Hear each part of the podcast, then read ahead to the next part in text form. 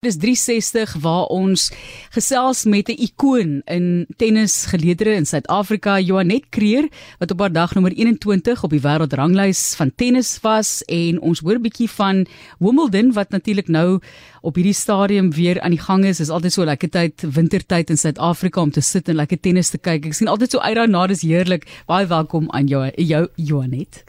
Baie dankie dat jy my genooi het. Soos wat jy noem 'n Wimbledon. Ek kan soveel goeie herinneringe as kind wat ek onder 'n warm kombers sit daarso in Benoni en ons kyk Wimbledon. So ja, ons almal is ehm um, baie geïnteresseerd in wat nou gaan gebeur in die volgende week en 'n half. Voordat ek vir jou vra hoekom jy nie so baie van Wimbledon hou nie, Joanet, het jy in daai tyd toe jy in Benoni gesit en tennis kyk het, ooit gedink jy gaan eendag op Wimbledon speel? Sjoe, dis 'n moeilike vraag. Ehm um, ek het ek en my sussie sit altyd na die tyd op die baan gegaan en ons het beklei wie gaan Martina wees en wie gaan Chrissy Evert wees want almal wou mos vir Chrissy wees. So ehm um, ek dink nie so nie. Ek dink dink regtig nie ek het gedink ek gaan daar kom nie want dit was so ver weg. Jy weet en ek dink dit is vir dit vir ons kinders ook voel en dis wat ek vir die kinders wat so uh, talentvol is in Suid-Afrika probeer preek. Jy weet as ek daar kan kom van Benoni dan kan hulle sekerlik ook daar kom. Dis pragtig gestel en ons praat nou nou oor die geskiedenis, maar kom ons praat 'n bietjie Wimbledon voordat ons dan nou kom by al daai aspekte en Serena Williams wat jy gewen het. Dit was 'n 'n swaar wedstryd vir haar. Sy het verloor 6-1, 6-1 teen jou, maar ons gaan nou net daaroor praat. Wat dink jy van Wimbledon? Hoekom is jy nie so groot ondersteuner of hou jy nie so baie van daai toernooi nie? Ehm um, kyk dit is een van die uh, mees elegantste toernooie. Hoe kan mens dit nou stel die regte woord? Dit is net die toernooi om by te speel. Ehm um, maar my tipe spel was dit nooit eintlik voordelig nie. Ek het maar van stadige bane gehou. Ehm um, ek het van die French Open en die US Open was my beste resultate gewees en ehm um, gras was nie my vriendin nie want dit is net baie vinnig en die bal skiet deur en my swaai was 'n bietjie groter en ek het tyd nodig gehad op my houe. Maar die die een jaar ook nogals wat ek nou in die tweede ronde is en ek wou so graag net een keer in my hele loopbaan in die derde ronde kom.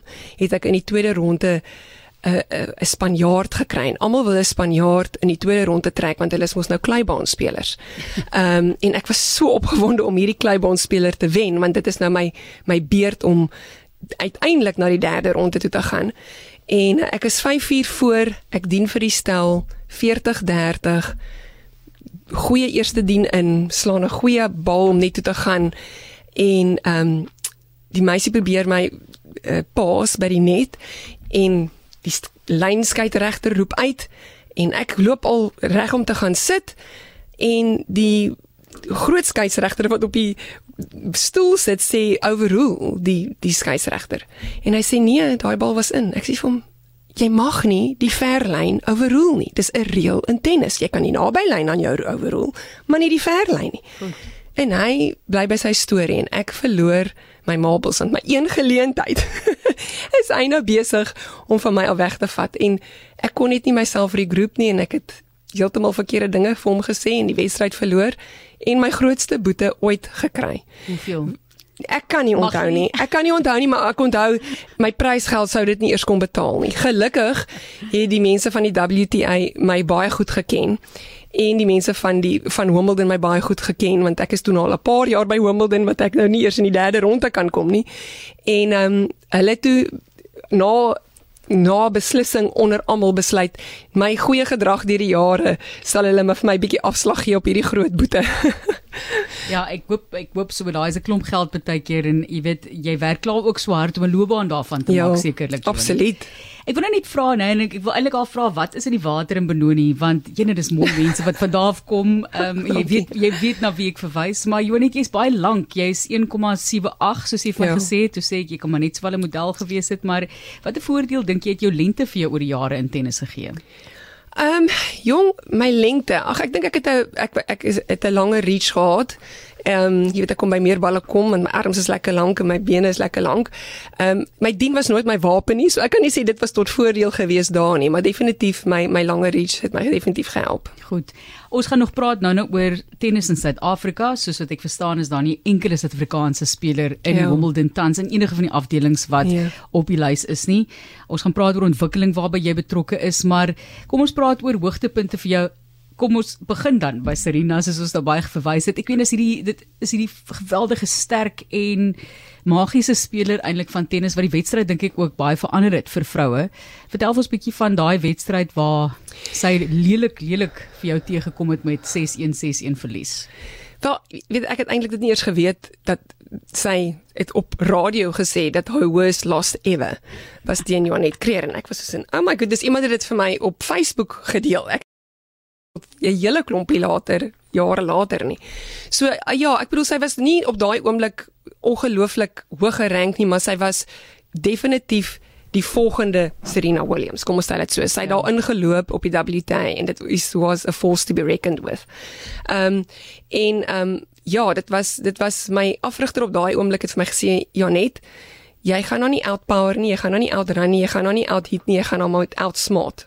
En ehm um, ek dink dit is ook 'n jy weet om mentally jou opponent uit te uitoor lê is 'n gawe wat ek van my ma gekry het. So ehm um, en dit is presies wat in daai wedstryd gebeur het. Ek bedoel sy's groter, sterker, baie beter speler as ek, maar ek het mentally haar uitoor lê kan ons maar dan erkenning ook gee aan jou ma? Jy het haar nou onlangs in die afgelope week verloor. Um, baie baie jammer daaroor. Is groot verlies en jy sê toe net vir my man sy sou wou gehad het ek moet hier wees sy wou gehad het ek moet kom 'n ja. moeilike tyd wat ook vir julle nou agter die rug is en nog voor lê natuurlik maar sy was dan sekerlik ook 'n groot tennisgees my ma se legende regtig ek kan ek het nie ander woorde nie sy was my grootste inspirasie um, sy het in my geglo sy was baie baie lief vir die Here.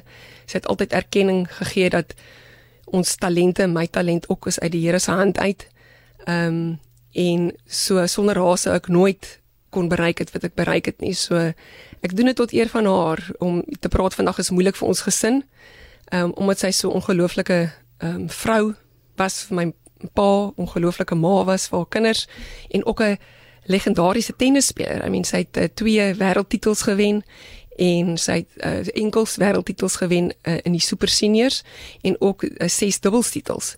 En tot 3 weke voor haar dood het sy nog tennis gespeel in Europa en 'n toernooi gewen. So sy was 'n absolute inspirasie vir vir my en vir vir baie mense baie baie jammer vir die verlies weer eens. Dis Jonet Kreer wat so gesels en sy praat met ons oor haar tennisloopbaan. Dis nou tennisgees wêreldwyd eintlik. Ons het mos nou die Franse Ope en, en volgende Wimbledon natuurlik dag 3 vandag. Pieter van der Berg sal vir jou hoogte hou van die sake, maar om terug te kom by hoogtepunte, wat was van die groot opponente in jou tyd? Jy het nou vroeër verwys byvoorbeeld Steffi Graaf en daai mense en hoe hulle op die ou en vandag eintlik baie goed deur die weg kom baie van hierdie groot groot name in tennis is nou vriende maar ja. jy weet op die op die baan was dit dan groot oorlog. Op die baan is dit groot oorlog. Kyk, uh, min mense weet hoe alleen dit eintlik is om so lank te toer op jou eie. Dit is 'n baie alleen kompeterende wêreld. Ehm um, daar's nie baie kameraderie onder die meisies ook nie. Meisies is mos maar baie ehm um, kompeterend. Kompeterend. Noem nou maar kompeterend. Ek dink maar dit is ek, baie.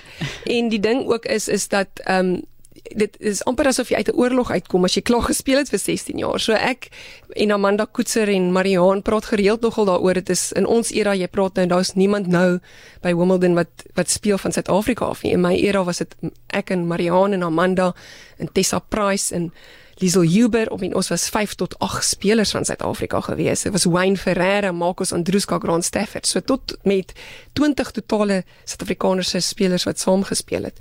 En ja, mense ehm, mense na die jare voel jy jy's deur 'n oorlog. So jy kan baie praat oor oor daai jare. ek dink ook eh, 'n bietjie van 'n nadeel en ek sê jammer om dit so te stel, maar Suid-Afrika kom nie altyd met die vreeslike klomp geld agter hulle vir hierdie enkel spelers nie. So jy seker ook baie keer op jou eie. Ek weet nie baie, baie mense saam met julle getoer het nie as jy kyk vandag is daar julle span wat saam met 'n groot naam op ek, ek, ek was baie ek's baie dankbaar vir die begin toe, ons begin toer het het TSA ons baie finansiëel ondersteun en ons het in 'n groep saam getoer.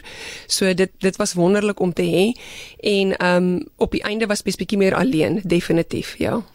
Ons kyk na die hoogtepunte ook van Joanet Kreer se lewe en sy het in 1996 na besering het sy haar tweede loopbaantitel in 1997 in Praag, Tsjechiese Republiek gewen deur Marion Maruska in die eindstryd te verslaan. Ander hoogtepunte soos hy sê sluit in die kwart indronde van die vlak 1 in Rome, toe sy vir Brenda Schultz McCarthy gewen en Karina Habsudova op pad albei voorste 20 spelers en groot groot naam gemaak vir haarself in tennis. En vandag ploeg sy terug in hierdie loopbaan wat sy gevestig het oor die jare voordat ons kom by die stand van tennis in Suid-Afrika. Die swaar vraag wat jy vir ons vandag moet beantwoord. Vertel vir ons hoe jy betrokke is. Nie meer amptelik by tennis SA nie maar jy is nog steeds betrokke ja. in jou danigheid in die ontwikkeling van tennis in Suid-Afrika Ja ek is ehm um, was die hoof van vroue tennis vir 2 jaar gewees en ek het hulle regtig vir my benader om om om paie te vind hoe om ons kinders daar te kry. Kyk ons ehm um, finansiëel is is dit moeilik vir ons kinders. Ehm um, ongelukkig is al die toernooie in die buiteland, vir as jy in die professionele arena wil intree, ehm um, moet mens oorsee gaan speel en jy maak dan niks geld nie. So jy het 'n baie groot sponsorship nodig om om daar te kom. Ehm um, en so ek het probeer maniere vind hoe ons die kinders kan help om om daar te kom want jy weet ons het definitief die talent in hierdie land soos ek sê as ek van Benoni dit kan doen is daar ander meisies in hierdie land wat dit kan doen. Ehm um, en ek ek voel dat as ons as 'n gemeenskap vir al die mense wat baie lief is vir tennis kan saam staan en ehm um, goeie finansiële ondersteuning vir hierdie spelers bied sal meer van ons spelers ehm um, daar kan uitkom. Natuurlik, ek dink jy het nou eintlik dan beantwoord. So wat is die antwoord? Is ploeggeld moet ons doen wat Banyana Banyana gedoen het ja. op jou op jou regte staan op die regte manier. Ja, op die regte manier. Vraag, dit, ja. dit is nie net ploeg gooi geld om geld te gooi nie. Daar moet 'n baie gestruktureerde uh pathway wees vir vir hulle. Ehm um, wat jy weet op sekere en ek dink ook elke maatstaf moet ehm um, gehaal word op 'n sekere ouderdom. En daar is kinders wat daai maatstawwe haal, maar ons het die probleem wat as hulle goed genoeg is in hierdie land, kry hulle nie genoeg internasionale exposure nie. Ja. Hoekom doen die Europeërs so goed? Want hulle speel teen die beste spelers die hele tyd. So hulle vlak van spel moet opgaan. Ehm um, ons maatstaf is mekaar in ons land en so jy het nooit die geleentheid om om jou level te verhoog nie. So ehm um, goeie finansiële ondersteuning met 'n goeie plan. Ek dink is maar enige besigheid so is, sal definitief sukses suksesvol ja. vir ons spelers in hierdie land wees. Op jou persoonlike professionele vlak, wat lê voor vir jou? Ehm um, ek moet sê ek ek het drie pragtige kinders en 'n wonderlike man. So ek hou daarvan om my seun speel ook lekker tennis. Ehm uh, my twee dogters ehm um, is ook baie talentvol, so ek probeer hulle ondersteun soos my ma my ook baie mooi ondersteun het deur my kinderjare. En ek help 'n bietjie by Maties tennis met van ons ehm um, opkomende tennisspelers daar om vir hulle ook te help om hulle volgende vlak en 'n hoër vlak te bereik loop in die gene. So ons het 'n rockster nou in die ateljee gehad mense. Ek het baie bevoorreg Jonet Kreer wat die bouers gekuier het, het groot tennisgees van die verlede en tans ook 'n groot gees so terugploeg in tennis in Suid-Afrika. Ons dink aan geleedere en om toegang te kry tot tennis, jy weet om 'n raket te kry, al daai tipe van dinge om bane beskikbaar te maak. Dis dis alles groot uh, gesprekke wat in Suid-Afrika gevoer moet word. Ons sê vir jou dankie baie sterkte weer eens vir jou familie. En baie dankie. Kom kuier dit. Jammer het Wimbledon was nie vir jou so lekker nie. Haai, ek gaan nou die hele tyd daarin dink. Maar ja, geniet wel Wimbledon. Kyk hier dan so 'n bietjie. Nee, ek kyk verseker. Ek kyk verseker. Ag, my ma het alles gekyk, nee. Ja. Alles, alles. Selfs op haar sterfbed het sy gesê dra vir my seun en toe wil sy hoor hoe doen elke reis. So ons is definitief 'n tennisfamilie. Wie gaan wen? Of wie is jou gunsteling? Wie is die beste talent wat jy afgelope tyd gesien het? Dink vir die vroue is dit eh, Rybakina, maar sy was bietjie beseer, so ek ja. weet nie. Sabalenka, my volgende favourite. Ek dink Swiatek op die vinniger ba bane gaan bietjie meer sukkel. Ehm um, en dan natuurlik Elkeres of Djokovic, ek weet nie. Sal maar sien.